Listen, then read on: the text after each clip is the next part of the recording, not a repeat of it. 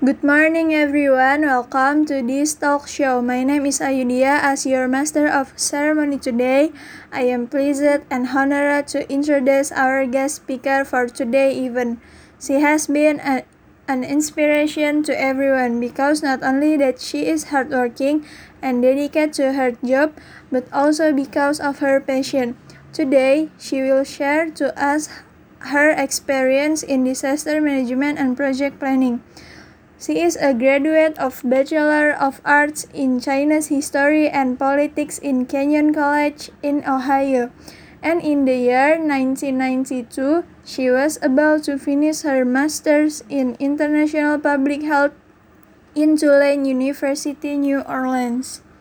Some of you might be wondering about the nature of her job. She told me that after graduating, she worked in the United Nations World Health Organization as a technical officer for program management that went on for 21 years and was based in five countries, namely Cambodia, Vanuatu, Samoa, Papua New Guinea, and of course, Philippines.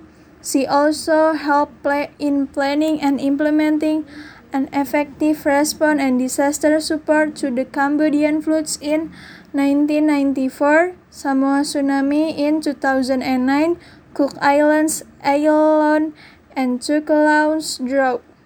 What more, what's more impressive is that she has also managed managed multi-million dollar budget for two projects that were based in Pakistan. As for now, she has decided to take a break from her job, but is very active in giving talks, just like this one, to share her knowledge to the youths. So without further ado, let's welcome Miss April Vivian Chu.